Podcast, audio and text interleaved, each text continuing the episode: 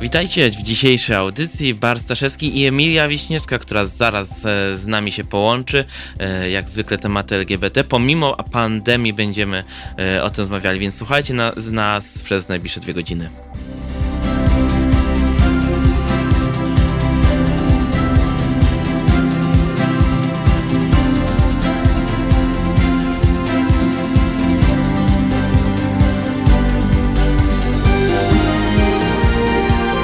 Halo Radio. Cześć i czołem. Emilia, czy się słyszymy? Słyszymy się, dobry wieczór. E, witajcie w ten nietuzinkowy sposób. Taka decyzja, że e, ograniczamy ilość osób w studiu, e, tak żeby ryzyko zarażenia wirusem, koronawirusem było jak najmniejsze. Także Emilia z nami się łączy dzisiaj w ten sposób. Ja, ja nad tym boleję, ale mam nadzieję, że wszystkie osoby które boleją nad tym, że czegoś nie mogą, jednak w obecnej sytuacji przyjmą to do wiadomości, że nie mogą. Dokładnie, zwłaszcza biorąc pod uwagę najnowszą informację rządu o tym, że e, kolejne restrykcje dotyczące wychodzenia na zewnątrz zostały wprowadzone. E, nie chcę tutaj wnikać w szczegóły, bo jest dużo kruczków, jeżeli chodzi o to wychodzenie. No między innymi można wychodzić z psem, nadal można tego co słyszałem, także nadal biegać. E, natomiast e, wszelkie nieodpowiedzialne biwakowanie, bawienie się ze znajomymi, robienie czegokolwiek e, już może być problematyczne i już za to będą grozić konsekwencje. Odsyłam do strony, do stron rządowych, które tym się zajmują. Prawda, Emilia? Tak, poza tym z tego co się orientuję, to w ogóle te strony rządowe zaczynają się też odwoływać do jakby zupełnie nierządowych inicjatyw, które pojawiają się obecnie, na przykład do widzialnej ręki. No to jest z drugiej strony trochę przerażające, że obywatele zastępują państwo w tak trudnych y, czasach. No w jakimś sensie można powiedzieć, że to właśnie się dzieje. Hmm. Anarchistyczny to... sen się spełnia. Nie, nie wiem, czy to jest coś, co warto by nazywać snem. I mhm. czy czy w ten sposób e, należałoby te relacje układać. No ja bym mhm. sobie je wyobrażała w trochę inny sposób. E, w tej chwili one działają w jakimś trybie, no zdecydowanie niecodziennym, to pewne. E, myślę sobie o tym, czy w ogóle w dzisiejszych czasach jest miejsce i przestrzeń, żeby mówić o prawach człowieka, czy one uległy również jakiemuś zawieszeniu na ten czas epidemii. E, to jest nie lada wyzwanie, bo zauważyłem, że jakiekolwiek komunikaty dotyczące kwestii LGBT, czy w ogóle prawno-człowiecze troszkę gubią się w tym chaosie tego, co się obecnie dzieje. Jak sądzisz, Emilia? Czy, czy jest na to przestrzeń, żebyśmy o tym rozmawiali?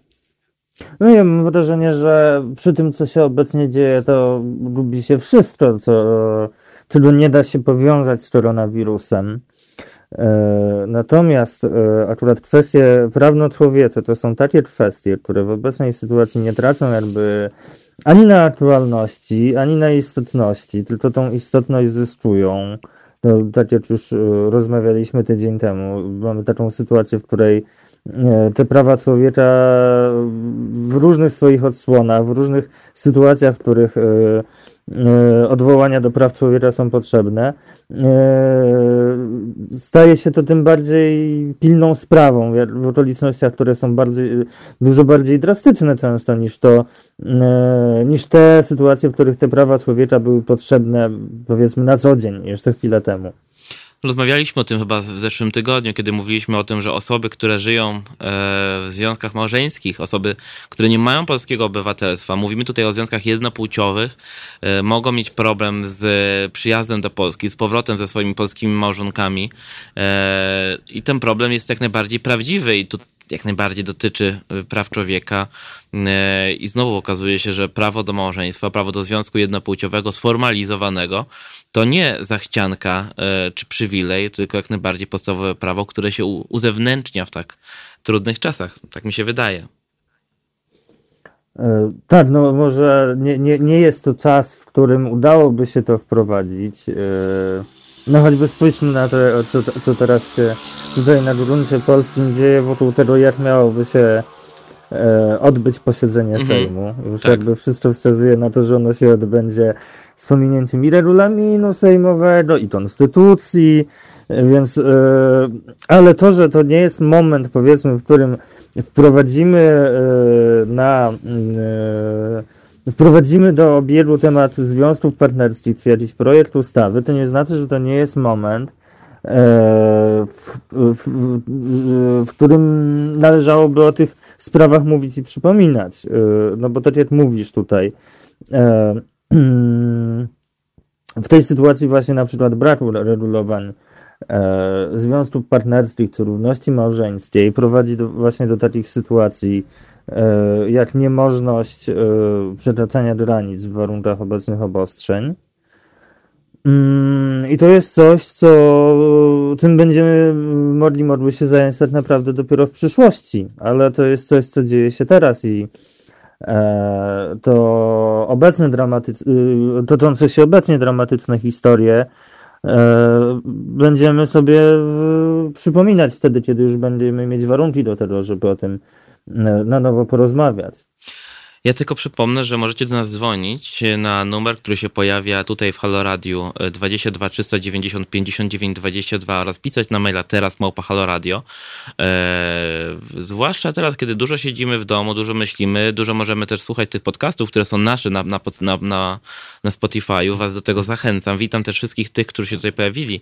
Mirgo Milcza, e, użytkownika telewizory, Danutę Bąk, e, Bak, Bartosza Trocińskiego, e, Justyna Justin, i wszystkich tych, którzy dołączają do nas e, teraz na Facebooku, na YouTubie, bo też jest na YouTubie, e, czy po prostu słuchają nas w aplikacji. Tak sobie myślę o tym, co powiedziałaś właśnie, że no, no, no, no jest na to jednak przestrzeń, żebyśmy o tym rozmawiali, zwłaszcza teraz. Musimy o tym mówić i, i boldować wszelkie E, potknięcia także władzy. Tutaj myślę o kandydatce Kidawie Błońskiej, która jakiś czas temu mówiła, mm -hmm. że mm -hmm. władza ma schizofreniczne zapędy. O tym będziemy rozmawiali o 20 z Fundacją F. z jej przedstawicielką, która będzie, z którą będziemy się łączyli. E, także dzisiaj w naszym programie będzie się bardzo dużo rzeczy działo. Za chwilę będziemy, za chwilę będziemy się łączyli z Julią Maciochą, prezeską parady, prezeską Wolontariatu Równości, która to organizuje największą imprezę w Polsce Polsce LGBT to jest e, Parady Równości, e, która opowie nam troszkę o tym, jak będzie wyglądała, czy będzie wyglądała Parada Równości, która była, miała być planowana na czerwiec tego roku. E, porozmawiam o tym, czy w ogóle jakiekolwiek marsze równości mogą lub czy będą się odbywały. Żyjemy w bardzo nietypowych czasach, czasach, w których na ten moment siedzimy w domu, więc starajmy się jak najbardziej tutaj solidarnie zastanowić nad tą naszą rzeczywistością. E, z tych rzeczy, no, które... ja myślę, no, mów, mów. Ja myślę, że to jest taki moment, kiedy solidarnie możemy się nie tylko zastanawiać, ale też yy, jakieś bardziej przechodzi w sferę działań. Może to dziwnie brzmi w tym momencie, ale jednak yy, pomimo tego, że wiele rzeczy yy, przestało działać, to jednak wiele, wiele działań, również tych aktywistycznych, przyniosło się w sferę internetu i to również te działania E, co do których e, raczej trudno nam było jeszcze niedawno sobie wyobrażać, że możemy je oglądać w innej formie niż e, taka dziejąca się offline. Dokładnie, w sensie, no, okazuje się też z drugiej strony, że państwo, które przez tyle lat było nieprzygotowane do tego, żeby działać online, tyle instytucji, które było nieprzygotowane do tego, żeby działać zdalnie, nagle musi w ciągu kilku dni czy teraz tygodni, opracować takie możliwości, żeby z obywatelami móc się łączyć, żeby obywatele, którzy pracują w instytucjach rządowych, na przykład tak w służbie cywilnej, e, w wszelkich takich różnych instytucjach, mogli pracować zdalnie, e, a my, żebyśmy mogli załatwić sprawy urzędowe również zdalnie. To jest na pewno olbrzymie wyzwanie dla państwa. Tak, no i też wyzwanie, które no tak naprawdę za jakąś chwilę dopiero się dowiemy, czym było to wyzwanie, kiedy ono już będzie jakąś przyszłością. Ja tutaj w ogóle Państwa bardzo chcę zachęcić do e, zapoznania się z tekstem, który niedawno pojawił się mm, e, z tekstem rozmowy, który niedawno mm, się pojawił. Ja już Państwu próbuję sobie go odkopać. To był e, wywiad z komentujący mm, to, jaki będziemy mieć świat po koronawirusie. No jakby to jest też moment już teraz tak naprawdę, myślę, żeby się zastanawiać nad światem po koronawirusie. Ten wywiad to jest rozmowa Grzegorza Strocińskiego na stronie gazeta.pl z profesorem z profesorem Zielonką i w tym, w tym wywiadzie e, profesor Jan Zielonka wskazuje na to, co może się zmienić właśnie e, również na kwestie, o których wspominaliśmy już tutaj przed chwilą. To, że w obecnej sytuacji państwo jest wyręczane przez inicjatywę obywatelską. Mhm. E, I profesor Zielonka z pewną nutą nadziei, można powiedzieć, mówi o tym, czy świat, w jakim się obudzimy, to nie będzie świat, w którym na przykład będziemy bardziej się dopominać o, o zadbanie o sferę publiczną, publiczne dobra, publiczne usługi. No właśnie, znaczy to, co się teraz dzieje, poszedłem teraz na pocztę odebrać przesyłkę, która e, czeka na mnie od kilku dni. Mówię sobie, dobra, czas, moment, jest chwila wolnego, godzina 12, pewnie nikogo nie ma. Idę na pocztę, e, a kolejka sięga sklepu, który jest kilkadziesiąt metrów dalej. Co się stało? Otóż ludzie, e, obywatele i obywatelki zastosowali się do reguły jednego metra i stojąc metr od siebie odstępu, zrobili korek e, na kilkadziesiąt metrów, w sensie kolejkę. E, I nie wiedziałem, czy stanąć w tej kolejce, bo byłem przy, lekko ubrany. Myślałem, że sobie siądę w środku na poczcie, jak zawsze. E, potem poszedłem do sklepu, tam e, robotnicy już przygotowywali takie zmiany w sklepie, to już przygotowywali jakieś takie przezroczyste folie PCV, tak żeby odgrodzić kasjerów, kasjerki od klientów i, i to wszystko takie to jak z jakiegoś filmu science fiction, coraz bardziej do nas dochodzi ten tryb awaryjny, który mamy w sobie, że to jest na chwilę, to za chwilę się skończy, ta chwila się coraz bardziej przedłuża, a rzeczywistość coraz bardziej nas zaskakuje. To te, też ten najnowszy apel rządzących, żeby e, w autobusach zostawiać wolne miejsca i żeby nikt nie, nie stał, tylko żebyśmy siedzieli. E, no to jest naprawdę nietypowe. No, ja, jak się nad tym zastanawiam, to mm, myślę, że to jest dla mnie na przykład doświadczenie nieporównywalne z niczym, co mi się mhm. wcześniej przydarzyło. Eee, I myślę, że mamy trochę tutaj jakąś taką terapię szokową. Znaczy, terapię, nie, nie, nie jest to może dobrze użyte słowo akurat tutaj. Eee, mamy na pewno jakieś takie uderzenie zmianą, która się tutaj dokonała, prawda? Znaczy nagle Dokonuje nasze wygodne życie zostało zakłócone, tak. Mhm, mhm. E, tak, i musimy je sobie jakoś zorganizować też, mając e, w perspektywie e, jakiś niedostatek informacji o tym, kiedy ono wróci do, na stare tory i jak te stare tory miałyby wyglądać e, w nowych okolicznościach. Dokładnie, też biorąc pod uwagę, biorąc poprawkę na to, że co mówią rządzący, że oni też nie chcą siać paniki, że e, to trzeba sobie gdzieś tam podzielić w głowie, e, że e, to, że nawet jeżeli kwarantanna zostanie zdjęta przez za miesiąc, za dwa, to wcale nie oznacza, że będzie bezpieczniej, bo wystarczy tylko jedna osoba z zagranicy, która przyjedzie i znowu pandemia może wrócić. Także rozwiązań niewiele, ale środków takich objawowych, które są obecnie no, wprowadzanych jest coraz więcej. No tutaj akurat ta osoba z zagranicy, no to trochę, trochę jest to też, myślę, jakaś um, retoryka, która często się pojawia nieostrożnie, jak na przykład w słowach, jakie premier Morawiecki skierował, rzucił CNN o tym, że -hmm. tutaj mamy już bezpieczniejszą tak, tak, tak. sytuację, tak. bo zamykamy granice, a wszystkie przypadki przychodziły z zagranicy. No więc jakby w momencie, kiedy premier Morawiecki wypowiadał te słowa, to one już były chyba dosyć dawno nieaktualne. Zgadza się. E, słuchajcie, to może zrobimy chwilę przerwy i za chwilę wrócimy z tematem właśnie, e, z tematem Parad Równości, marsz, Parady Równości, która się odbywa w Warszawie i Marsz Równości, które się odbywają w całej Polsce i co do których pojawiają się coraz to nowe informacje, że każdy, każda kolejna, e, każdy kolejny marsz jest Y, przesuwany na, na wieczne nigdy, na razie przynajmniej, y, w związku z pandemią. Także będziemy rozmawiali też z Julią Maciochą i zadamy jej też główne pytanie tego programu, czy w czasach, w których żyjemy, y, w, czy w czasie pandemii jest miejsce na to, żeby rozmawiać o kwestiach LGBT, czy o prawach człowieka jako takich. I tutaj znowu uwaga dla wszystkich nowych naszych oglądających. Podczas przerwy muzycznej nie słychać muzyki na aplikacji, na e, portalu Facebook czy na YouTubie. Można słuchać nas na aplikacji Halo Radia. E, tam słychać wszystko włącznie z muzyką. I teraz przerwa muzyczna.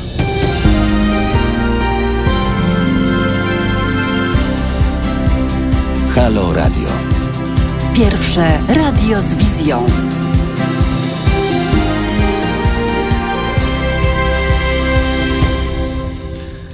Cześć, witajcie po przerwie. Z nami Emilia e, Wiśniewska i prezeska Parady Równości Julia Maciocha. Czy my się słyszymy, Julia? Tak, cześć, dzień dobry wszystkim. E, a Cześć, Emilia? Julia. Słyszymy się? Tak, dobrze, doskonale. Tak, słyszymy się.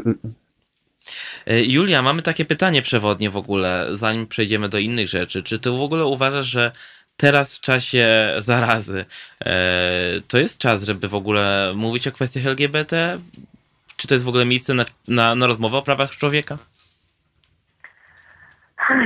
Chciałabym, żeby miejsce na rozmowę o prawach człowieka było zawsze, natomiast no, wiemy jak jest. Bardzo ciężko przebić się z jakąkolwiek informacją, która nie jest związana Mhm. z koroną. To jest akurat przykre, dlatego że przebija się dużo informacji, które są po prostu fejkami. Natomiast y, myślę, że wszystkim dobrze by zrobiło oderwać się trochę od tych codziennych problemów kwarantanny domowej i rzeczywiście pomyśleć po prostu o rzeczach innych, może trochę większych, może o czymś, co trzeba wziąć pod uwagę, jak to wszystko już minie.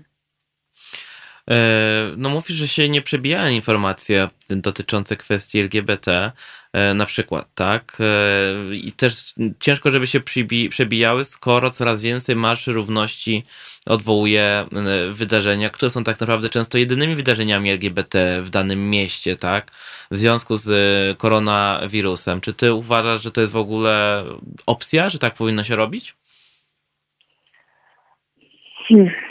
I nie mogę powiedzieć, co powinni robić e, organizatorzy marszy. Mhm. Natomiast no, w momencie, kiedy wszystko inne jest zamykane i odwoływane, e, to robienie marszu byłoby po prostu czystą głupotą.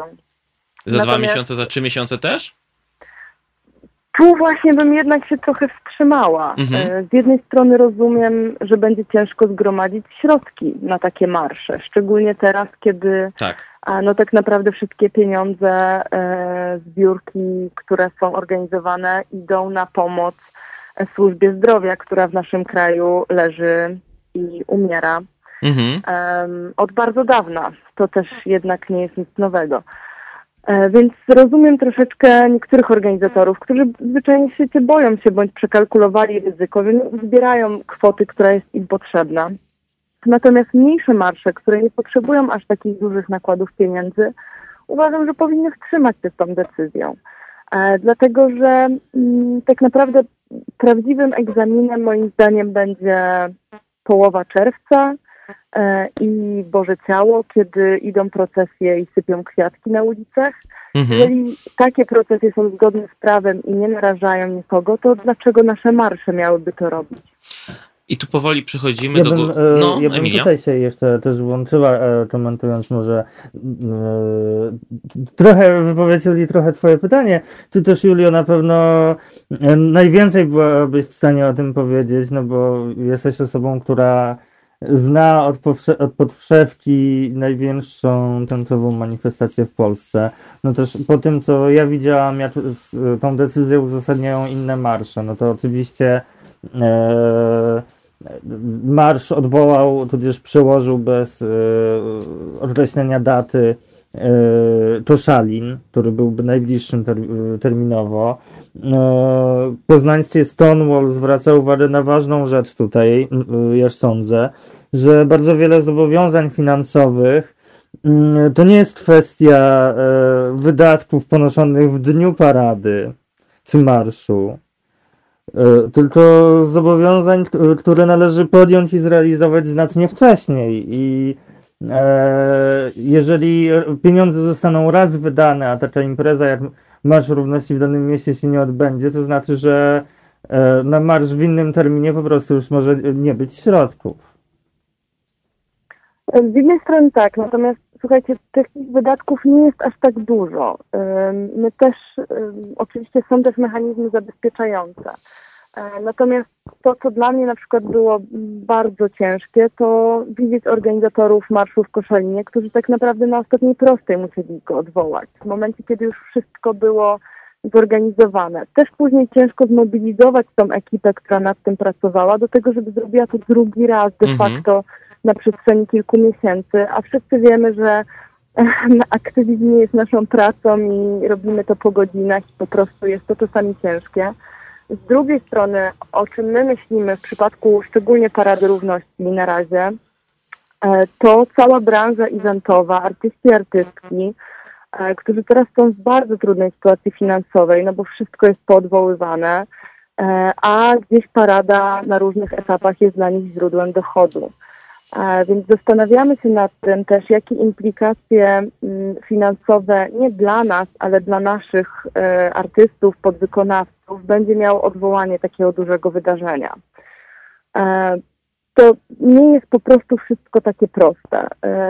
Myślę też, że to, co jest dużym utrudnieniem w Polsce przede wszystkim, to, że nasz rząd nie do końca informuje nas, nie do końca przekazuje prawdziwe informacje, Mhm. więc też ciężko budować jakąś strategię albo plany dalekosiężne, jeżeli nie jesteśmy w stanie ich oprzeć o prawdziwe dane, o dane, których możemy być pewni czy pewne. O jakich danych Em. mówisz, które są nieprawdziwe na przykład? No, ostatnio TVP podało y, po prostu wyssaną z palca informację o ilości testów na milion osób, które są robione w Polsce, że jest to największa liczba, jedna z największych Mhm. liczb w Europie. Jest to po prostu nieprawda. E, nie testujemy ludzi, wręcz przeciwnie. E, chełpimy się tym, że mamy najmniej e, stwierdzonych przypadków zarażenia. To też nie jest prawdą, po prostu nie mamy przetestowanych ludzi. Więc mówienie teraz o tym, planowanie jakby nawet na najbliższy miesiąc, dwa jest trudne, dlatego że my nie jesteśmy w stanie przewidzieć, co ten rząd zrobi. Z jednej strony zamykają wszystko, sklepy wielkopowierzchniowe, nie mówię tutaj o spożywczych, imprezownie, kluby, kawiarnie, e, a z drugiej strony chcą robić wybory i nie widzą powodów, żeby je mm, przesuwać bardzo dużo widzę tutaj niejasności, decyzji, które nie są spójne ze sobą, więc nam też jest ciężko budować coś. Ja też rozumiem strach u niektórych organizatorów, e, bo teraz jeszcze niektórzy są w stanie wyhamować, zatrzymać się z organizacją danego marszu mm, i po prostu go wstrzymać, zawiesić. E, A tak naprawdę mogą się napracować, a za trzy miesiące ktoś zmieni znowu prawo i ogłosi coś zupełnie innego, przez to ten marsz stanie się nielegalny. Więc myślę, że każda grupa tutaj robi ocenę swojego ryzyka, to na co ich stać, co mogą zrobić po prostu. Też myślę, że trzeba się zastanowić nad momentem, kiedy jeszcze można bezpiecznie wyhamować. No i tutaj pytanie podstawowe, y, czy Parada Równości odbędzie się w tym roku? Robimy wszystko, żeby Parada Równości odbyła się e, w tym terminie, który został zaplanowany. Jeżeli to będzie niemożliwe w innym terminie, e, jeżeli to również się nie uda, bierzemy pod uwagę sytuację, w której będziemy musieli podjąć najtrudniejszą dla nas decyzję. E, To tak naprawdę jest sytuacja bardzo dynamiczna. Jesteśmy teraz e, na etapie, na którym dajemy sobie czas, chcemy zobaczyć, co się wydarzy do świąt. Pracujemy normalnym trybem, dlatego że tak naprawdę do połowy kwietnia mm, jesteśmy w stanie jeszcze wyhamować tę całą machinę, zatrzymać ją i zawiesić bądź całkiem rozłożyć.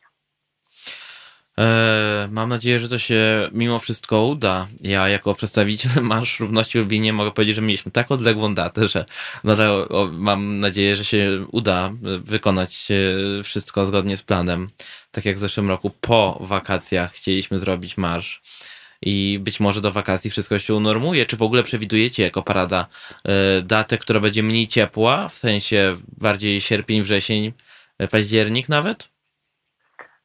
Jest to też trudne z tego względu, że zorganizowanie marszu przełożyłoby się wtedy na miesiące letnie, kiedy tak naprawdę ludzie już nie chcą tutaj zostawać, a tym bardziej nie chcą pracować wolontariacko. Natomiast bierzemy tak naprawdę na chwilę obecną wszystkie opcje pod uwagę, um, dlatego że no, jest to największe wydarzenie w Polsce. Dla wielu osób jest ono jednym z najważniejszych dla nich wydarzeń w całym roku. E, I no musimy też pamiętać o tej społeczności, która tylko ten jeden dzień w roku ma ulicę, Warszawę, Polskę dla siebie. To byłby chyba pierwszy Ja raz. bym tutaj Mhm. chciała się. Ja bym tutaj chciała się jeszcze włączyć i jakoś też podbić ten wątek y, tego, że ta sytuacja, którą mamy, może jakoś mm, jeżeli na przykład, jeżeli te kolejne marsze miały być odwoływane, to oczywiście może to mieć negatywny wpływ na to, jak wygląda jakaś komunikacja pomiędzy społecznością LGBT, a powiedzmy tym jej wycinkiem takim aktywistycznym, e, zajmującym się organizacją Parady Równości, Parady Równości i Marszy Równości. E, I ja myślę, że to jest też moment dla całej społeczności o tym, żeby pamiętać o osobach, które w tej chwili stoją przed trudnymi wyborami i dba, dbają o to, jak, jak Julia, e, która właśnie tutaj opowiadasz, e, jak to wygląda ze strony Parady Równości, dbają o to, żeby to wszystko było zorganizowane jak najlepiej i mają do podjęcia bardzo poważne decyzje. Wiecie, też jest nam, nam trudno postawić um, przed jakimś tam faktem um, potrzeby finansowej, nie? bo też jakby oczywiście wszystko się rozbija o to, że niektóre marsze nie będą w stanie zrobić zbiórek po prostu e, pieniężnych. Mm, no bo jednak pomimo tego, że jest jakaś tam część naszej e, e, grupy, która jest do, uprzywilejowana, dobrze dofinansowana, no to jednak bardzo wiele osób LGBT, szczególnie osób transpłciowych, to są osoby, które mm, no, są wypychane z rynku pracy, nie mają umów o pracę i w tym momencie tak naprawdę E, zostały albo bez pracy, albo bez dochodu, dopóki wszystko nie uruchomi się, jakby cała strefa usług nie uruchomi się ponownie. Więc w ogóle myślę, że nie tylko całe społeczeństwo, ale też nasza społeczność stanęła przed bardzo trudnym momentem, który wpycha nam trochę tę paradę w takie miejsce, w którym ona się może wydawać nieważna, no bo przecież ważnie, ważne jest to, czy ludzie mają co jeść, e, czy mają za to zapłacić czynsz, czy mają gdzie mieszkać. Mm, natomiast musimy też pamiętać zawsze o tym psychologicznym aspekcie Parady Równości, która daje też siłę wielu osobom na przetrwanie kolejnego roku w tym kraju, e, która jest też głosem, która też jest walką, która też jest swego rodzaju manifestem. E, więc wszystkie te części musimy jakoś wziąć pod uwagę. To jest to, co mówisz ty, Emilia. Tak jak mówisz, e, to, to jest bardzo ważne wydarzenie dla wielu ludzi, którzy przyjeżdżają specjalnie na to, na to wydarzenie, którzy raz w roku mogą trzymać się e, ze chłopakiem, dziewczyną, z osobą, która, którą kochają. I ja bardzo liczę, że mimo wszystko parada się odbędzie w tym roku. E, nie wiem, czy Emilia, masz jeszcze jakieś pytania? Nie, może pytanie już nie. Ja chcę prosić Julia o przekazanie e, zespołowi wolontariatu równości podziękowań za to i, i wyrazów trzymania kciuków za w tej sytuacji i podziękowań za pracę, którą wykonują w naprawdę no, niełatwych okolicznościach. Dziękujemy Ci bardzo, Emi. Ja Ci też, y, Julia, bardzo dziękuję. Dziękuję Ci za to, że znalazłaś czas, żebyśmy z, nami chwilę y, porozmawiać y, i podzielić Słuchaj, się tą no, informacją. Nie, żebym robiła jakieś inne fantastyczne rzeczy poza siedzeniem w domu. Słuchaj, dzięki serdeczne. Teraz wszystkich zapraszam na przerwę e, muzyczną. E, jeszcze raz Ci dziękuję, Julia. A teraz zespół MGMT. Halo Radio.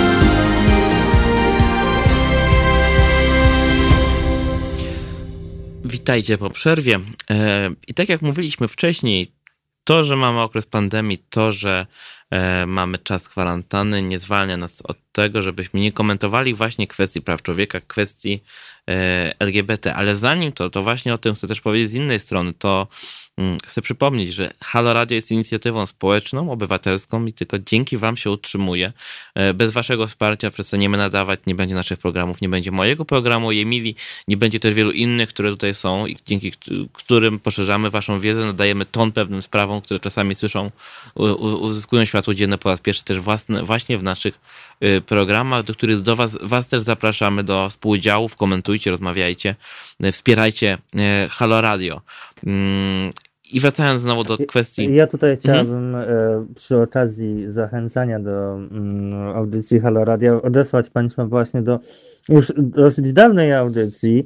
E, audycji, którą w poprzedniej, poprzedniej, poprzedniej przerwie mieliście Państwo tutaj zareklamowaną, czyli audycji e, Jana Śpiewacza. E, z 8 grudnia, gdzie profesor Jacyno opowiadała w drugiej godzinie audycji e, o tym, jak się zmienia współczesny świat. Oczywiście to były jeszcze refleksje sprzed obecnej sytuacji, natomiast bardzo warte wysłuchania, jak sądzę. Tak, witamy tutaj też Kubę Gawrona, który by się z nami połączył i ogląda Krzyśka Kliszczyńskiego, Mateusza e, Wrotnego, wszystkich tych, którzy są z nami na Facebooku, na YouTubie i także na aplikacji Haloradia lub na stronie e, Haloradia. E, Pozdrawiamy też Elżbietę Podleśną, która po prostu już nie może z nami porozmawiać telefonicznie, ale której sprawa jest istotna dla społeczności i nie tylko. E, wszyscy z nas ko kojarzymy tęczową e, Matkę Boską, tęczową, bo dodana, dodane, dodana w tle tęcza e, powodowała, że tak się już o niej mówi i spowodowała w zeszłym roku E, olbrzymie zamieszanie, e, a kobiecie, właśnie Elżbiecie Podleśniej postawiono zarzut znieważania uczuć religijnych, ba, gdyby, żeby tego, tego brakowało, e, policja weszła do jej domu następnego dnia, szukając tych strasznych naklejek i grafik na jej komputerze. I co się teraz okazało, Emilia? I to zdaje się, jak dobrze pamiętam, e, zdaje się, e, zanim powiemy, co się okazało, mhm. jak dobrze pamiętam, to zdaje się, że to wejście miało miejsce w godzinach no, właściwszych do tego, czyli bladym świtem, tak jak należy e, oczywiście. Tak, jak najgorszych przestępców. Postępować z... Tak, tak. No i co się stało? Powiedz nam, mm, Emilia. No tak, teraz, tak, teraz z kolei mamy mm, decyzję o odszkodowaniu dla Elżbiety Podleśnej za niesłuszne jej zatrzymanie przez policję. To jest 8 tysięcy złotych przyznane przez sąd. Hmm, oczywiście jeszcze pozostaje problemem to, że nie jest to y, prawomocny wyrok, więc można się tutaj spodziewać odwołania. Natomiast na ten moment y, mamy tutaj takie małe zwycięstwo. Tak, i już Elżbieta Podleśna za, za, zapowiedziała, że jeżeli to się uprawomocni, jeżeli będzie materialny dowód na to, że sąd przyznał jej te 8 tysięcy, to przekaże je na Fundację Transfuzja, e, bo osoby transpłciowe teraz jeszcze bardziej potrzebują wsparcia, powiedziała Elżbieta Podleśna. E, I znowu wracamy... No, ja niestety mogę to... Mhm. Mhm, powiedz, ja niestety te słowa Elżbiety Podleśnej mogę ze swojej strony potwierdzić, no bo też e, trudno organizować działalność wsparciową w takiej sytuacji, jaką mamy. Jest oczywiście kwestia jej przerzucania do formy online, ale jest też to coś, co wymaga jakiegoś zastanowienia się nad tym, jak to prowadzić i e, jest jednak e, trochę inną formą wsparcia niż to, do czego często po, po co do tej pory osoby przychodziły do E, organizacji takich jak transfuzja. No to też powoduje moje myślenie, że wiele osób teraz mówi, że są rzeczy ważniejsze niż e, pomoc osobom LGBT, ważniejsze niż zwracanie uwagi na E, to, to coś, czego się mówi, tego, czego się nie mówi, to jest to, o czym będziemy rozmawiali też o 20 e, z Fundacją F. z którą się połączymy, żeby porozmawiać o języku wykluczenia. E, bo znowu, łatwo bagatelizować w czasie pandemii pewne nasze nawyki, pewną mowę nienawiści, mowę wykluczenia, bo przecież wszystko inne jest ważniejsze, tak? No, łatwo, łatwo wpaść w taką. Um, wpaść na takie tory. Tru, trudno potem e, jakoś zbiorowo z nich zawrócić, więc e, w tej sytuacji, która teraz się dzieje, która się teraz rozwija, no to warto, abyśmy mm, zwracali uwagę na to, co się dzieje, no bo ty mówisz tutaj właśnie na przykład o języku wykluczenia. Wiemy już o e, sytuacjach, jakie mają obecnie miejsce, e, atakach fizycznych również na osoby no, pochodzące e, Wietnamu. z Azji, z krajów mhm. azjatyckich. Mhm. Tak, tak, dokładnie. To, to rzeczywiście następną Więc kolejną... to jest jakaś mhm. fa fala, która wobec... Mhm, mhm. To jest jakaś fala e, ksenofobii, która w tych okolicznościach obecnych wzbiera i na którą jakoś też trzeba odpowiedzieć. Absolutnie, tak jak się słyszy to, co mówią e, ludzie z niektórych miejscowości, że nie chcemy mieć tutaj tego szpitala zakaźnego, to są rzeczy sprzed tygodnia, ale uzmysłowiły mi, jak bardzo niedalekie są czasy, kiedy pamiętam, że zakażonych HIV-em w, w latach 80., 90. też nie chciano w tej okolicy, kiedy był Monar i kiedy próbowano Kotański próbował w jakiś sposób osobom e, zakażonym pomóc. E, no i wtedy też pojawiały się takie głosy, nie chcemy ich tutaj, nie chcemy choroby, i podobnież teraz brakuje nam trochę tej solidarności. Mówi się o tym, że to nie jest czas, aby mówić o kwestiach LGBT. E, być może nawet kolejnym pomysłem mogłoby być to nie sobie podpowiadać, ale trzeba się też z tym mierzyć, już myśleć i rozmawiać, że może trzeba odciąć organizacjom pozarządowym finansowanie, bo to nie jest priorytetem państwa w tym momencie, żeby im pomagać. Takie głosy też się przecież mogą pojawić. No mamy taką sytuację, kiedy właściwie wszystko musimy monitorować na tym polu. No akurat to nie jest, nie, nie dzieje się na gruncie polskim, ale na przykład to, co dzieje się w tej chwili na Węgrzech jest już interpretowane jako próba e, wykorzystania kryzysu związanego z koronawirusem do dalszego montowania autor, autokratycznej formy rządu w tym kraju. Absolutnie. I podobnież teraz kwestia będzie wyborów, tak? Czy się odbędą, czy się nie odbędą. Czy wybierzemy zdrowie, czy wybierzemy mm, e, pójście na wybory i zagłosowanie na kandydata lub kandydatkę. E, jest to problematyczne.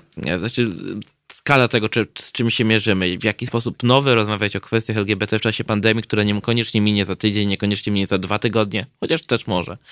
E, żeby jednak o tych kwestiach nie zapominać. Jeszcze tylko zwrócę uwagę na jeszcze jedną dodatkową rzecz. Odchodząc już od tematu Ewy Podleśnej, e, bo ten temat chyba już zamknęliśmy, prawda Emilia? Mhm. Że... I trzymamy kciuki za kolejny, kolejny etap tej walki. Jak najbardziej. Warto zwrócić uwagę na, to, na, na, na, najnowszy komunikat rządu, który wskazuje na to, że osoby, które e, chcą wyjść na zewnątrz, jak najbardziej mają do tego prawo, jeżeli to związane z jakiś sposób z e, ich pracą, którą wykonują, albo e, z, z obowiązkami rodzinnymi e, i że mogą też to robić w, tutaj cytuję, z wyjątkiem osób w stałym pożyciu. Mówię tutaj o zakazie poruszania się w grupach. Rząd w tym momencie podkreślił, że są osoby, które żyją w, form, w związkach nieformalnych, które nie są E, sformalizowane, niekoniecznie tylko osobach LGBT, ale po prostu osobach też heteroseksualnych żyjących w konkubinatach, e, które też poruszają się na zewnątrz, e, w, w, chociażby w celu spaceru, a nie w celu kumpelskiego przejścia się gdzieś. I zauważył te osoby, stwierdzając, że osoby żyjące w wspólnym pożyciu są tak jakby, no takie wyjścia są dozwolone. To się pojawiło na, na stronach rządowych i nie wiem, czy jest to wynik jakiegoś jakiejś presji po, ostatnim, po, po ostatniej wpadce rządu, kiedy e, osobom, o, o, czym mówiliśmy na początku audycji, w związkach z obcokrajowcami sformalizowanymi za granicą, e, zabroniono wjazdu, uniemożliwiono go, nie wskazując na nich w żaden sposób, w żadnych przepisach. No, ja tą twoją intuicję, ona mi się jakoś wydaje bardzo mocno optymistyczna, jeśli mm -hmm. Ty tutaj przyjmujesz, że to jest jakieś zreflektowanie się. Tak, nie no oczywiście. Akurat w tym wypadku. Ja tylko przypomnę, że łączymy się z Emilią Wiśniewską z Fundacji Transfuzja, która tutaj ma, która z nami dzisiaj też rozmawia e, zdalnie, dlatego tak się słyszymy, jak się słyszymy. Czasami jest też tak, że e, ten, ten, to opóźnienie jest większe, więc wchodzimy w słowo i ja nie widzę tych sygnałów Emilii oczami puszczanymi zawsze do mnie, kiedy, kiedy, kiedy gadam głupoty albo kiedy e, po prostu chcę coś powiedzieć, więc tak się próbujemy wybadać na odległość przez ten telefon jeszcze. Tak, i również w związku z moją nieobecnością nie ma w studiu transpłciowej flagi, którą wreszcie nauczyłam się pamiętać o tym, żeby ją przynosić. Po tym, yy, tak, no, po tym sama, sama chwilowo jestem z daleka od państwa, zdalnie jedynie.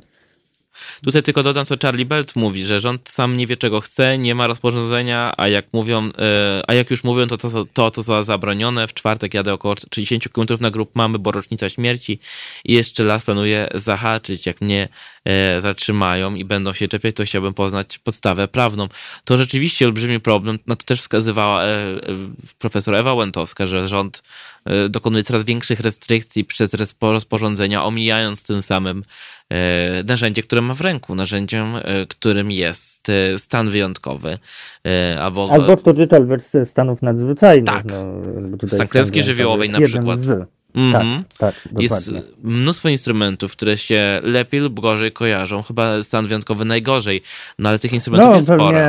Mm, pewnie, no jakby może hasło stan wyjątkowy nie wywołuje takich konnotacji z marszu, jak kiedyś w e, wywoływało hasło stan wojenny, no, natomiast coś się za tym kryje, to znaczy e, każdy ten stan oznacza jakieś konkretne rozwiązania, jakieś konkretne obostrzenia i również jakieś konkretne ułatwienia dla służb, które miałyby sobie radzić z e, epidemią koronawirusa.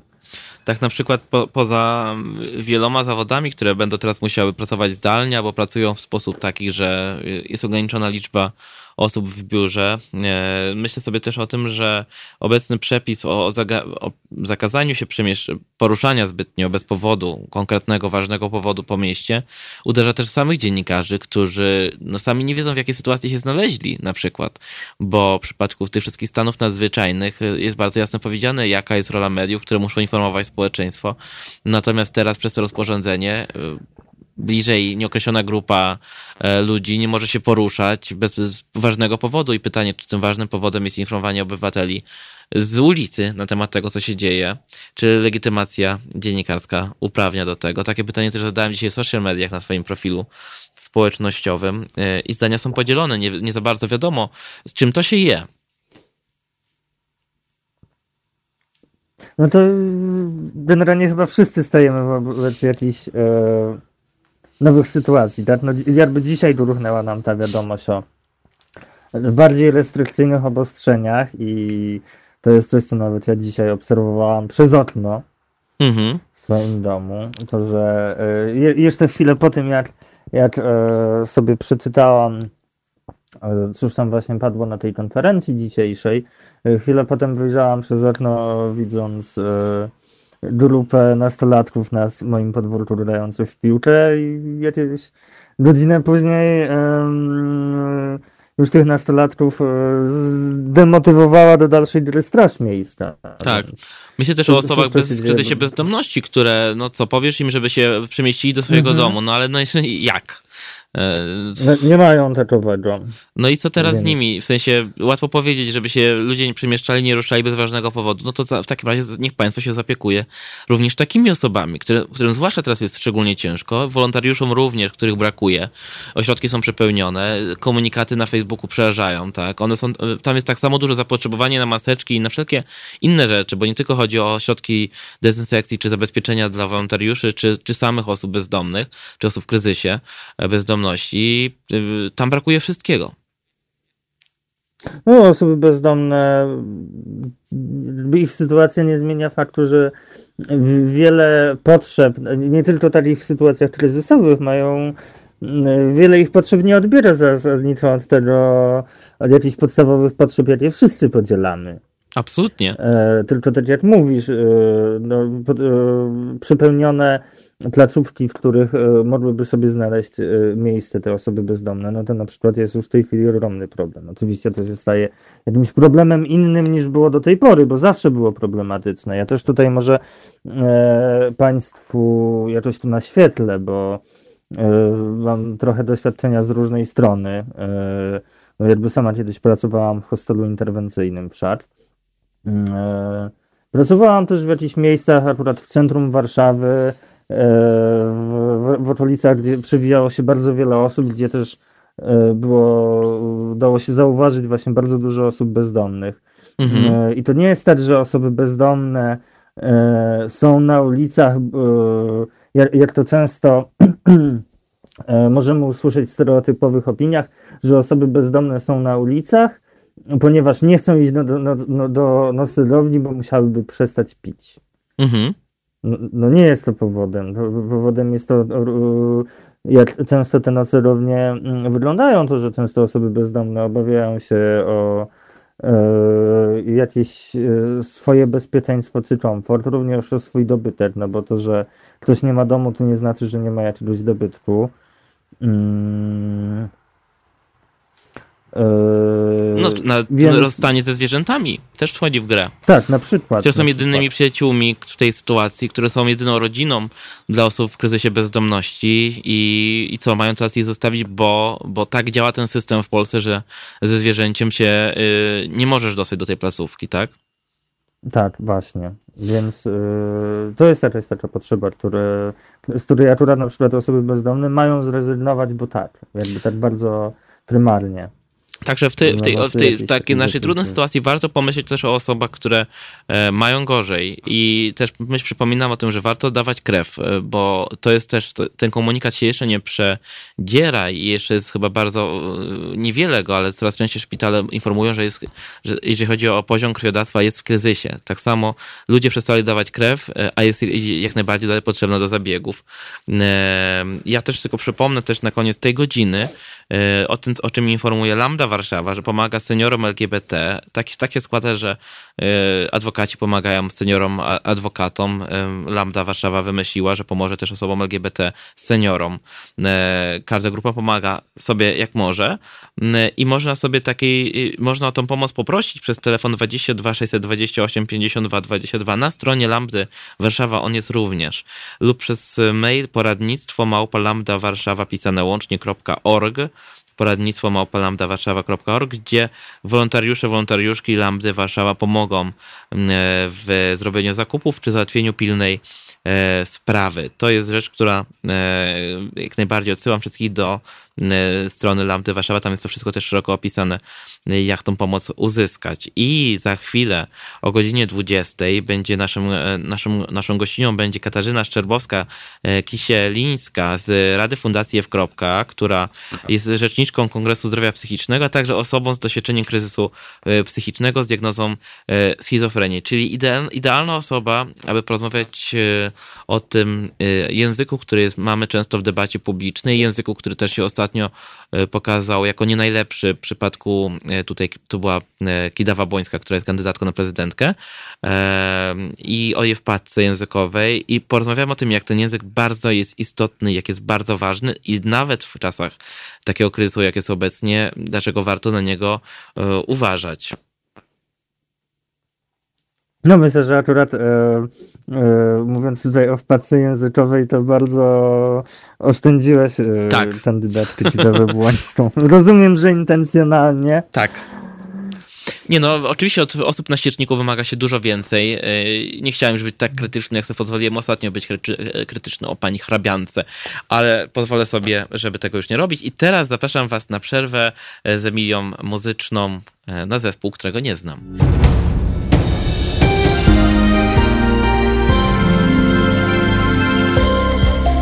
Halo Radio. Pierwsze medium obywatelskie.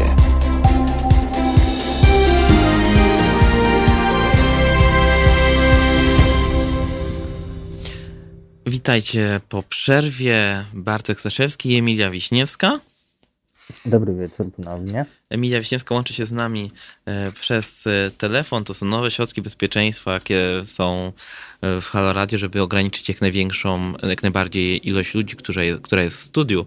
Za chwilę połączymy się też z gościnią, którą będziemy mieli w naszym radiu. To będzie przedstawicielka Fundacji F. Dokładnie to będzie Katarzyna Szczerbowska-Kisielińska i będziemy rozmawiali o języku wykluczenia, o mowie wykluczenia, e, o tym, jak należy mówić e, o, o rzeczach, o debacie publicznej. E, troszkę na bazie tego, co powiedziała niedawno kandydatka Małgorzata Kidawa-Błońska o tym, jak komentowała że komentowała zachowania rządzących. Czy się słyszymy, Katarzyno? E, tak, dobry wieczór, słyszymy się. Witam serdecznie. E, Katarzyna Szczerbowska-Kisielińska Kisielińska jest e, członkinią Rady Fundacji F. Jest też rzeczniczką Kongresu Zdrowia Psychicznego, osobą z doświadczeniem kryzysu psychicznego z diagnozą schizofrenii. Pracuje też w Instytucie Psychiatrii i Neurologii jako rzeczniczka Biura do Spraw Pilotażu Narodowego Programu Ochrony Zdrowia Psychicznego, czyli wydaje się to być idealna osoba do tego, żeby porozmawiać o, o mowie, o, o, o tym, jak należy rozmawiać o, o osobach w kryzysie psychicznym, o osobach cierpiących na choroby psychiczne. Y, I tutaj troszkę na kanwie tego, co się wydarzyło ostatnio, czyli jak kandydatka na prezydentkę Małgorzata Kidawa-Błońska skomentowała wyborczej y, zachowania rządzących, ja tutaj zacytuję tylko ten fragment, to są schizofreniczne działania, bo z jednej strony władza apeluje, nie wychodźcie z domów, nie gromadźcie się, pracujcie zdalnie, a z drugiej strony wprowadza obostrzenia. I tutaj mam pytanie czy tego typu język, że jakieś działania są schizofreniczne, w ogóle jest na miejscu, czy to jest język wykluczenia? W sensie, jak to nazwać z drugiej strony?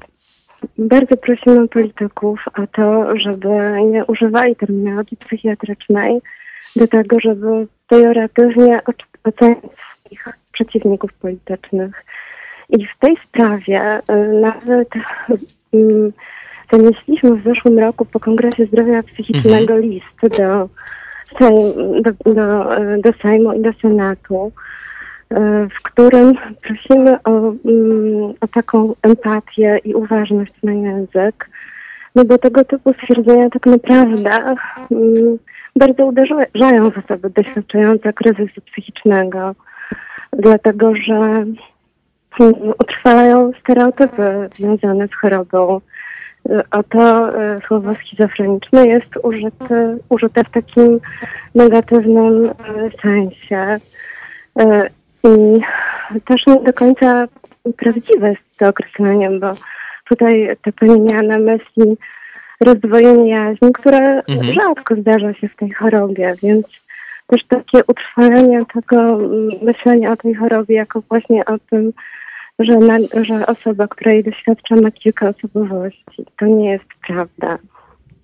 Nie no, musi tak e, być. I, i, jeśli może ja tutaj e, mhm. jakoś się też odnieść, bo e, to, to mnie też naprowadza na jakiś taki ważny trop. E, wydaje mi się, że właśnie często, jeżeli w, ktoś tak nieuważnie i potocznie mówi o jakichś problemach zdrowia psychicznego, to mówi o nich przez pryzmat samych tylko e, objawów i to zwykle tych, e, tych, które sąd wydają się najpoważniejsze, prawda? No tak, i też nie jest odosobniony przypadek.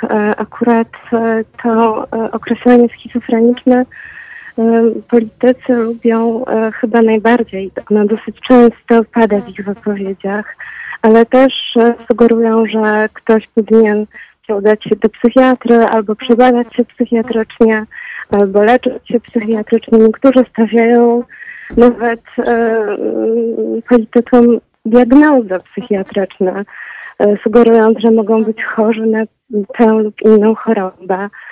E, schizofrenia jest chorobą bardzo ciężką. Ma oczywiście różny przebieg. Zdarza się statystycznie, że jedna trzecia osób, które na nią chorują, mają tylko jeden epizod choroby. Ale zdarza się, że ta choroba e, no, właściwie całkowicie wyklucza kogoś z życia, bo te um, okresy, kiedy ona um, jest trudniejsza, są bardzo częste. Właściwie nie bez przerwy jest źle. I właściwie jak mają się czuć, słysząc coś takiego, ludzie, którzy opiekują się swoimi bliskimi chorującymi na schizofrenię. No, mm, myślę, że jest wiele innych sposobów na to, żeby opisywać e, zachowanie swoich e, przeciwników politycznych. I tutaj też jak mówię o tym, że y, to się wydarza chyba, z, z, ta, ta, ta, ten język nie ma barw politycznych, bo wystarczy wpisać schizofreni, schizofreniczne podejście na Google i wyskakują nam różne wypowiedzi różnych osób z różnej strony politycznej. Tak na przykład e, redaktor Nurkowska mówiła o wbijaniu e, noża, noża w plecy opozycji, mówiła o schizofrenicznym podejściu do polityki w obozie tak zwanej opozycji. Tak naprawdę tutaj nie ma, i tak jak mówię, ten, ten, ten język wykluczenia jednego koloru opozycyjnego, w sensie jednego koloru politycznego. I tak jak kiedyś, nie, trochę chyba się już politycy nauczyli, że nie można mówić żartów o Żydach, tak jak, jak Polacy zaczęli się uczyć, że nie można mówić o tym, e, że ktoś jest chory na Downa i że to jest jakiś rodzaj pejoratywnego określenia dla kogoś.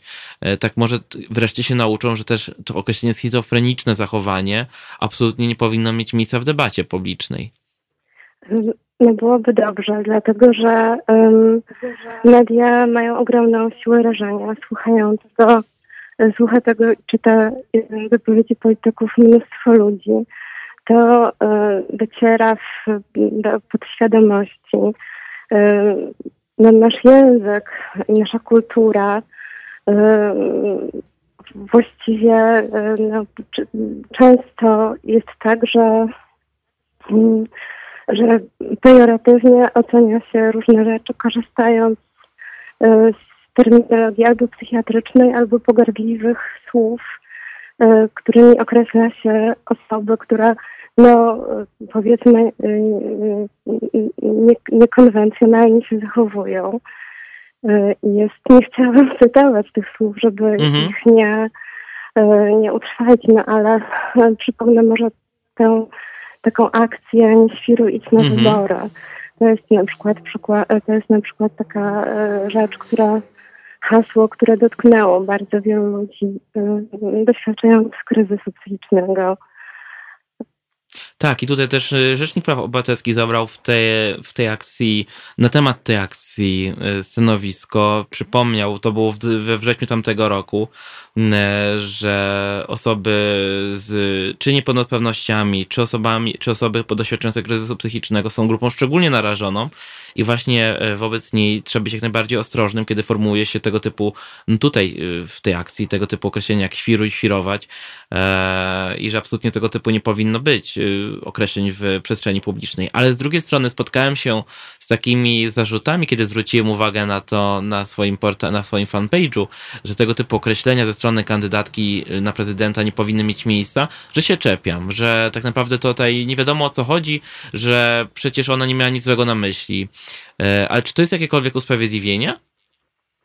No ja myślę, że um, trudno nam powiedzieć, jakie były jej, e, jakie były jej tak myślenia i co ona miała na mhm. myśli. Um, oczywiście no, przypuszczam, że nie chciała tym urazić nikogo, mhm. kto choruje psychicznie. Nie o to jej chodziło. Chciała po prostu w krótkim sposób opisać jakąś sytuację. I wydało jej się, że ten, to słowo akurat będzie najlepszym e, do tego sposobem. No ale um, myślę, że um, to tak, no intencje oczywiście są ważne i możemy jakoś nią wytłumaczyć, że może nie miała złych intencji. Mhm. Ale jednak ta, to, to słowo e, trafiło do, do przestrzeni publicznej. Rozmawiamy teraz o tym. Tak. E, I e, no, jak już mówiłam, nie, był, nie jest to odosobniony przypadek. E, dlatego właśnie w tym liście, który po Kongresie Zdrowia Psychicznego zanieśliśmy do Sejmu i do Senatu, prosiliśmy o to, żeby takich słów nie używać. Może przy okazji powiem, czym jest Kongres Zdrowia Psychicznego, mhm. bo może dla niektórych ludzi to jest taki termin, który nie jest im znany.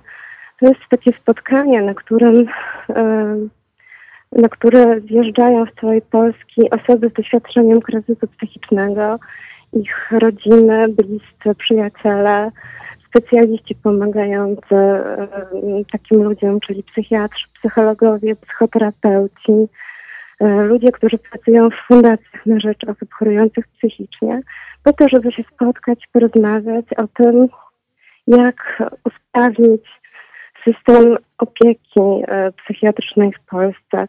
Chodzi głównie o to, żeby on nie był skoncentrowany na izolowaniu e, ludzi, którzy chorują, ale na, ale na rozwijaniu też leczenia środowiskowego, takiego blisko domu, dostępnego, dostosowanego do każdego mm, przypadku. I właściwie jednym z takich efektów e, Kongresu Zdrowia Psychicznego jest to, że teraz mamy tworzą się w Polsce centra zdrowia psychicznego, gdzie można przyjść po porada z ulicy bez kolejki. Tam są takie punkty zgłoszeniowo-koordynacyjne, e, które działają od poniedziałku do piątku, od godziny 8 do 18, gdzie czekają specjaliści, którzy e, osobę, która szuka pomocy, skonsultują. Mhm. Wymyślą dla niej taki wstępny plan leczenia. To może być leczenie takie ambulatoryjne, częste wizyty u psychiatry, może być psychoterapia grupowa lub indywidualna, może być pobyt na oddziale dziennym. To jest taki oddział, gdzie się przychodzi rano na zajęcia terapeutyczne i relaksacyjne i wychodzi się z nich e, po południu, wraca do domu. E, te punkty zgłoszeniowo-koordynacyjne działają nawet teraz. E, tyle, że preferowany jest kontakt telefoniczny. Wszystkie telefony można znaleźć na stronie czp.org.pl. Mhm. I e, też zapraszam do oglądania naszego profilu na Facebooku. To jest profil, który się nazywa Pilotażowe Centra Zdrowia Psychicznego. I tam zamieszczamy różne informacje, takie też o tym, gdzie teraz y, można szukać pomocy i wsparcia w kryzysie psychicznym. Bo on teraz, zwłaszcza właśnie w takiej sytuacji kryzysu, który mamy obecnie w Polsce, może się bardziej uzewnętrznić yy, i ludzie tej pomocy mogą po prostu poszukiwać. No teraz dużo więcej pacjentów poszukuje pomocy niż zwykle. Mhm. Na przykład Biuro Rzecznika e, Praw Pacjenta odbiera pięć razy więcej telefonów niż normalnie. Czyli wzrost o 500%. 200, mhm. Tak, zwykle to było 200 y, telefonów, teraz jest ich 1000. O Jezu. I oni y, do pomagania osobom w kryzysie psychicznym wydelegowali e, specjalnie do odbierania telef tego telefonu 10 rzeczników pacjenta psychiatrycznego.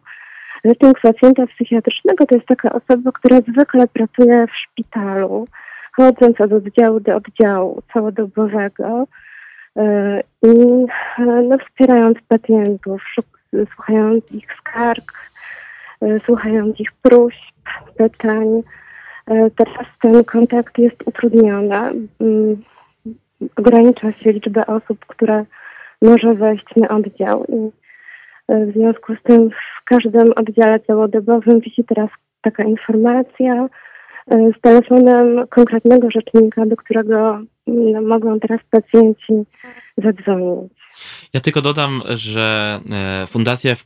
E, której też jesteś e, członkinią w Radzie, tak? W zarządzie. Jestem, tak. Robi fantastyczne rzeczy. Marsz Żółtej Strążki, Marsz o Godność, który realizuje raz do roku. Kongres Zdrowia właśnie psychicznego, którego, który się odbywa. Wprowadzi też różne działania, które są, którymi na przykład jest razem do samodzielności gdzie, osoba, gdzie osoby z zaburzeniami psychicznymi y, czy w kryzysie psychicznym y, mogą otrzymać pomoc, warsztaty, grupy integracyjne, także mnóstwo fantastycznych rzeczy, o których można się dowiedzieć na stronie ef.org.pl, y, na stronie na Facebooku można też wesprzeć remont siedziby fundacji, który cały czas, której to zbiórka też jest na stronie internetowej. Mnóstwo fantastycznych rzeczy, które robicie i o których warto pamiętać i do was zwracać się z jakimikolwiek wątpliwościami, również w kwestiach takich jak ta, kiedy mamy wątpliwości, że coś, co jest w debacie, raczej nie powinno wystąpić. Ja tylko dodam takie, taką jedną refleksję, bo spośród komentarzy, które się pojawiły, kiedy poruszałem kwestię właśnie tego nieodpowiedniego języka Kidawy Błońskiej, e, ktoś próbował wyjaśnić, o co chodziło jej właśnie przez to, to, o czym na początku mówiliśmy, że ona tak naprawdę chciała powiedzieć, że E, władza, obecnie rządzący zachowują się e, tak jakby z tym rozwojeniem jaźni, tak? E, a ja na to powiedziałem i tu próbuję tłumaczyć ludziom, że tak jak zresztą na początku naszego programu mówiliśmy, to nie zawsze jest objaw schizofrenii. Ludzie z tą chorobą żyją, funkcjonują, często normalnie pracują i chyba możesz to potwierdzić. No tak, no akurat ja mam tę diagnozę. Choroba zabrała mi naprawdę bardzo dużo czasu, bo spędziłam rok w szpitalu. E, po wyjściu ze szpitala też tak nie jest, że od razu się w mhm. doskonałej formie.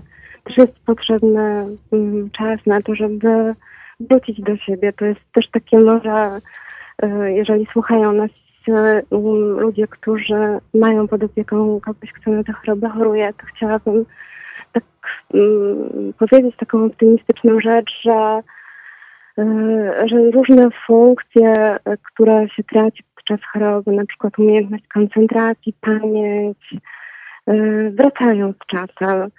I, no i można wrócić właściwie całkowicie do swojego dawnego trybu życia. Tak się zdarzyło w moim przypadku. Ja to trochę traktuję jak cud. I czasem sobie wyobrażam, że, że właściwie jestem jako osoba, która um, uratowała się z katastrofy lotniczej, bo No bo kiedy byłam chora, właściwie ja byłam w tak trudnym stanie, bez kontaktu, bez, nie mówiłam, że no, rodzina obawiała się, że ja już nigdy do nich nie wrócę. A mhm. jednak, jednak się udało. I takich przykładów jest więcej. Nie jestem jedyną osobą z diagnozą schizofrenii, która opowiada o swoim doświadczeniu. Ja myślę, że to jest ogromnie cenne i ważne, że mm, ludzie, którzy doświadczyli kryzysów psychicznych, także na przykład choroby afektywnej dwubiegunowej, która również jest mm, bardzo trudna, mówią o tym, jak e, wracali, co im pomogło, e, jak e, wyglądały różne etapy powrotu do zdrowia. Ja jestem też w takiej mm, grupie pacjentów,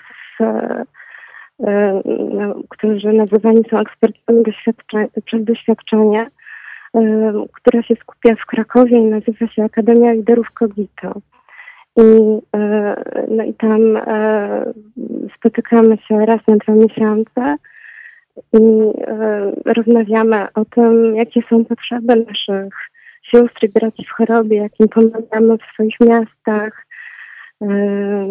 Wymyślamy, wymieniamy się doświadczeniami, wymyślamy, co jeszcze można zrobić. Zresztą kilka osób z Fundacji Kropka jest też w tej Akademii Liderów Kogito. Mhm. I właśnie dzisiaj dowiedziałam się, że nasze następne spotkanie będzie odwołane. I w związku z tym zastanawialiśmy się, co możemy w tym czasie zrobić. I e, postanowiliśmy, że e, postaramy się napisać e, swoje świadectwa zdrowienia i umieścić je na stronie centrów cz.org.pl pod zakładce własnym głosem. Tam zresztą już jest kilka świadectw zdrowienia, jeżeli ktoś jest ciekawy.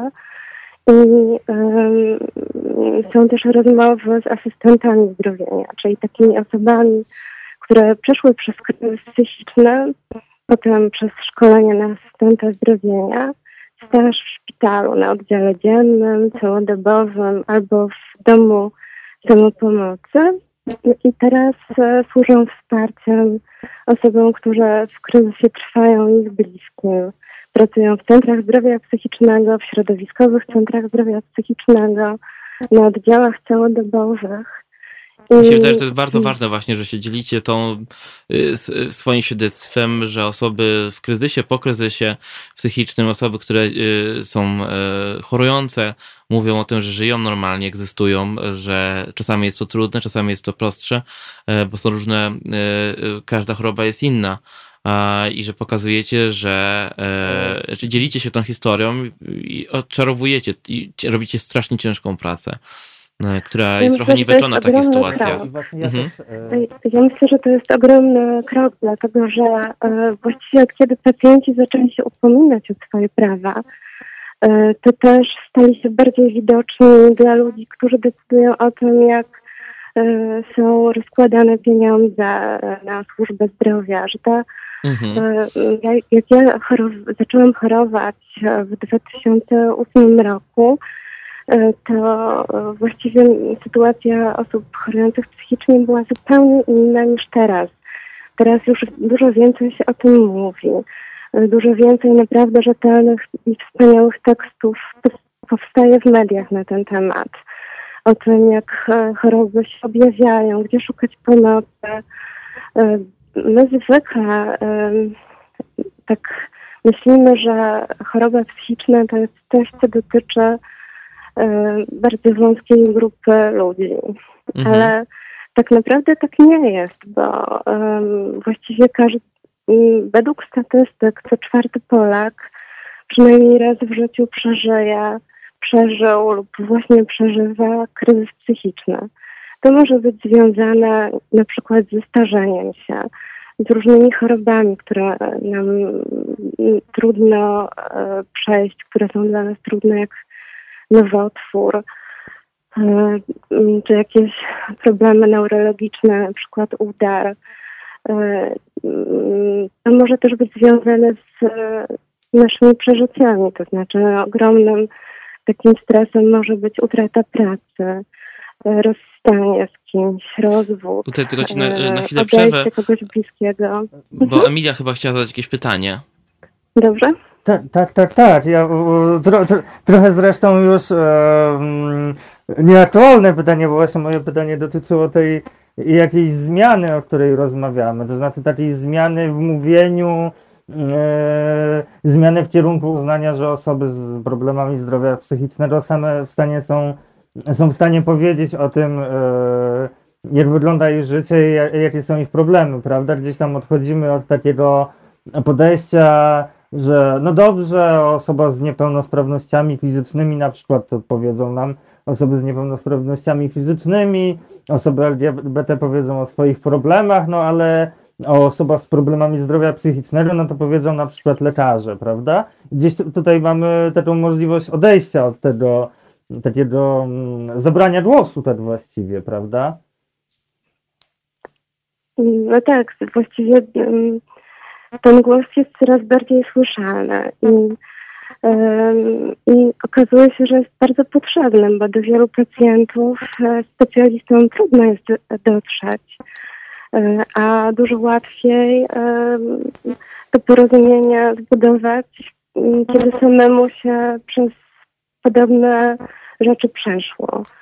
Bo no, łatwiej człowiekowi, który przeszedł przez kryzys, łatwiej sobie wyobrazić i poczuć, co czuje ten człowiek, który teraz jest e, no, chory i potrzebuje pomocy. E, właściwie tak myślę, że e,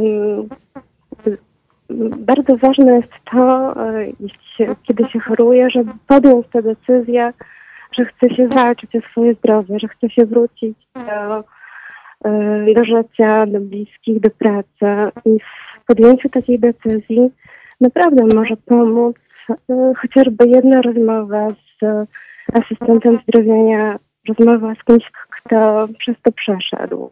To po prostu też ludziom daje nadzieję, no bo widzą, mhm. rozmawiają z kimś, kto dobrze się czuje, kto pracuje, kto jest uśmiechnięty. I więc też jest taka właściwie przykład na to, że ma się przed sobą osobę, która sobie poradziła i E, więc mm, można obudzić w sobie wiarę w to, że też damy radę. I też mam nadzieję, że właśnie przez takie świadectwo tego będzie e, jak najwięcej. E, musimy powoli kończyć ten fragment naszej audycji.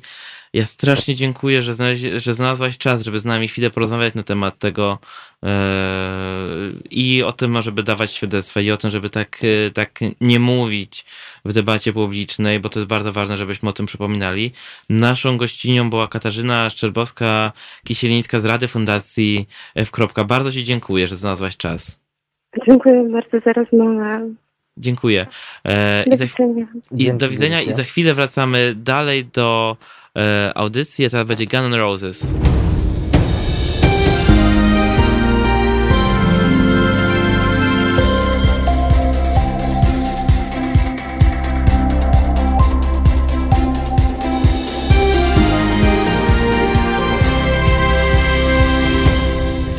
Cześć i czołem, tu Halo Radio. E, jest z nami Emilia, też po drugiej stronie radia. Halo Emilia. Tak jestem, tak. Mhm, mhm. Jest, Słyszę. Jesteśmy no, no tutaj. tutaj e, no, myślę, że musimy poprosić Państwa też trochę o wyrozumiałość, bo e, no i też e, my musimy się tu wyczezać pewną cierpliwością, bo jednak e, łączenie się przy użyciu technologii bez e, obecności naszej dwójki razem w studiu jest trochę inną okolicznością. Dokładnie i czasami sobie wchodzimy w słowo, czasami nie wchodzimy sobie w słowo, czasami no jest problemów masa, no takie mamy czasy, ale staramy się z tym e, dawać radę. I pojawił się pewien komentarz, e, który e, Mateusza Wrotnego, którego też pozdrawiam, mojego kolegi, który tam skomentował na naszym kanale Halo Radia. Emilia, czy mogłabyś przeczytać, co tam się dzieje i jak to, jakbyś mogła się też odnieść A może ciebie prosić, mhm. bo chyba je, je, jeśli masz akurat ty łatwiejszy dostęp już y, otwieram no, momencik. Y, czytam. Mhm, mhm. E, czytam, czytam. Pozamknąłem też Halo Radio stronę, żeby oszczędzać baterię. Ale już mam. E, otóż Mateusz Wrotny napisał e, o problemie, który się wydarzył u niego na uniwersytecie. E, problem, jaki się pojawia ostatnio wśród osób transpłciowych, studentów, studentek. E, wszelkie platformy do, do prowadzenia zajęć, jak domyślam się chodzi o Uniwersytet Warszawski, online są połączone z tak zwanym USOS-em, e, czyli systemem tak jakby wirtualnej uczelni e, którym widnieją dane związane z płcią metrykalną e, studentów, studentek. Jest to krzywdzące, gdy e, podczas zajęć online widnieje nagle imię, inne imię e, i nazwisko, czy inne imię, podczas gdy reszta grupy może nie być i nie musi być zeznamiona z takimi prywatnymi historiami. I w ten sposób dorzucił bardzo ciekawą historię w tej całej sytuacji pandemicznej, którą mamy obecnie. No, jest też, no tak, jakby to jest, to jak się ten problem przejawia teraz w tej obecnej sytuacji. Nie jest też nowy, bo e, właśnie na przykład sytuacja e, korekty prawnej i wymienienia dokumentów, E, to, to jest jakaś sytuacja, na której jak się okazuje, jak też e, w transfuzji do nas dochodzą głosy, często właśnie e, system, tutaj bardzo dosłownie system, uniwersytecki system obsługi studentów się jakoś wykłada i okazuje się trudnym na przykład założenie maila, który, którego nazwa by jakoś korespondowała z danymi w dokumentach po, po korekcie prawnej. No mhm. tutaj to oczywiście jest też taka sytuacja. żeby Państwu uświadomić, bardzo wiele osób transpłciowych e, żyje w ten sposób, że nie informują otoczenia o tym, że są osobami transpłciowymi, ale równocześnie żyją w zgodzie ze swoją tożsamością płciową. Mm, I dopóki na przykład nie muszą wyciągać dokumentów, e, to y, mogą w ten sposób funkcjonować, jakby też nie narażać się na mm, konfrontację z uprzedzeniami, czy z transfobią. Czy, z czy w tym przypadku też można które... mówić o outingu? Mm, no jest to jakiś, można powiedziałabym, outing przez technologię. No oczywiście można to uznać za e, jakieś niedopatrzenie, no też w sytuacji, kiedy to nie, ja, ja nie, chcę przez słowo niedopatrzenie jakoś tutaj e, deprecjonować powoli tej sprawy. No to mhm. jest takie niedopatrzenie, które dotyczy też e, grupy, która może nie jest szczególnie jakoś mm, e, zawsze pamiętana. Nie zawsze się pamięta o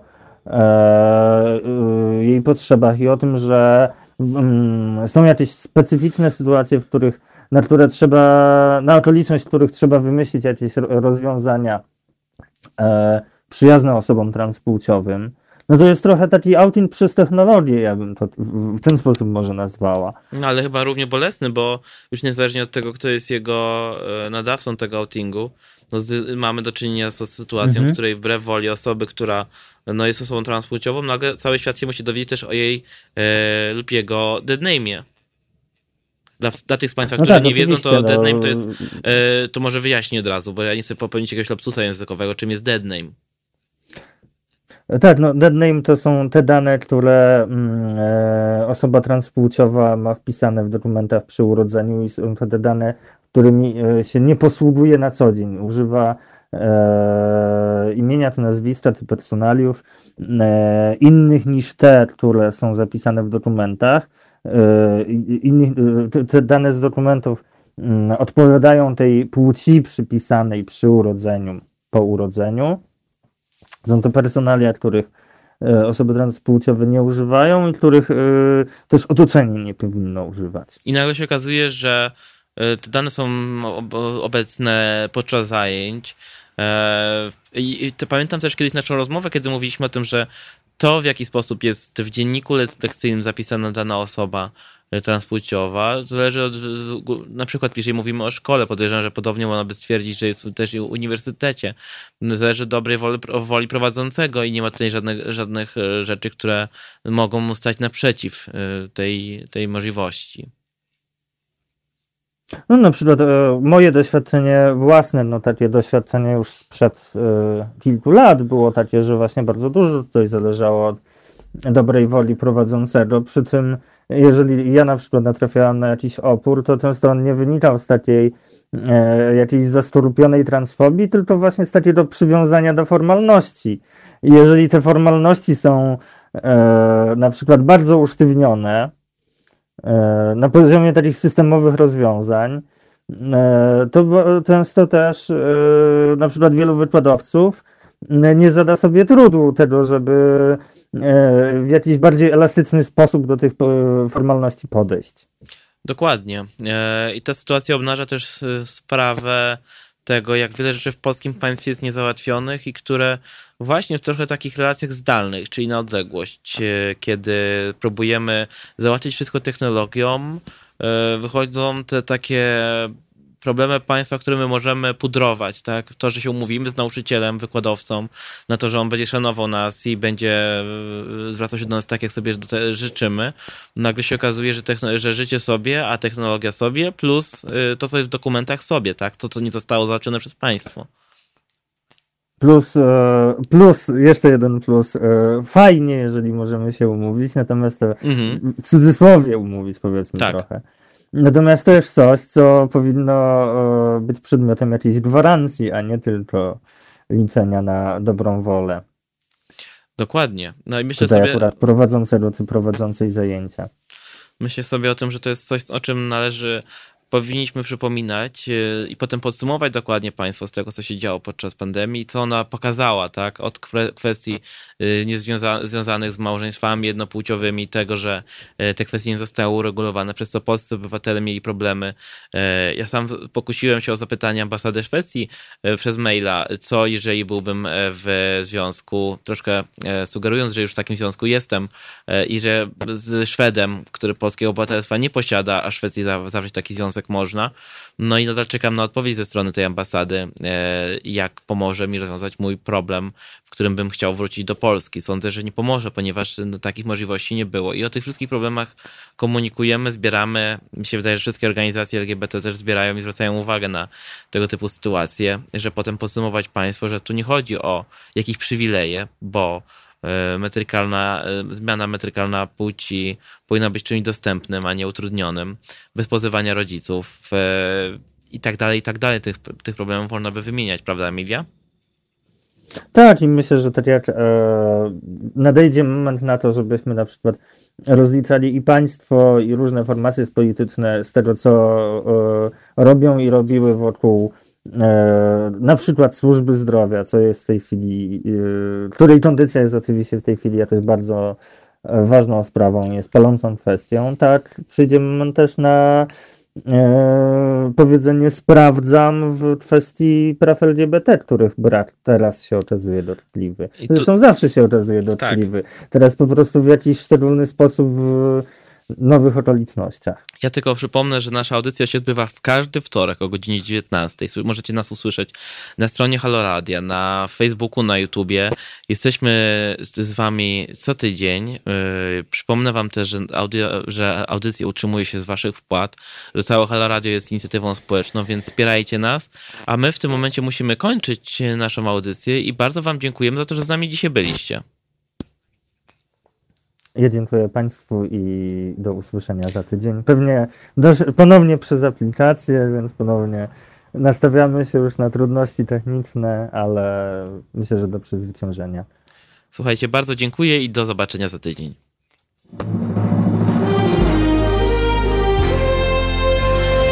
To proste. Żeby robić medium prawdziwie obywatelskie, potrzebujemy Państwa stałego wsparcia finansowego. Szczegóły na naszej stronie www.halo.radio, w mobilnej aplikacji na Androida i iOS-a oraz na koncie Fundacji Obywatelskiej w serwisie www.patronite.pl. Naszym darczyniom i darczyńcom serdecznie dziękujemy. www.halo.radio. Słuchaj na żywo, a potem z podcastów.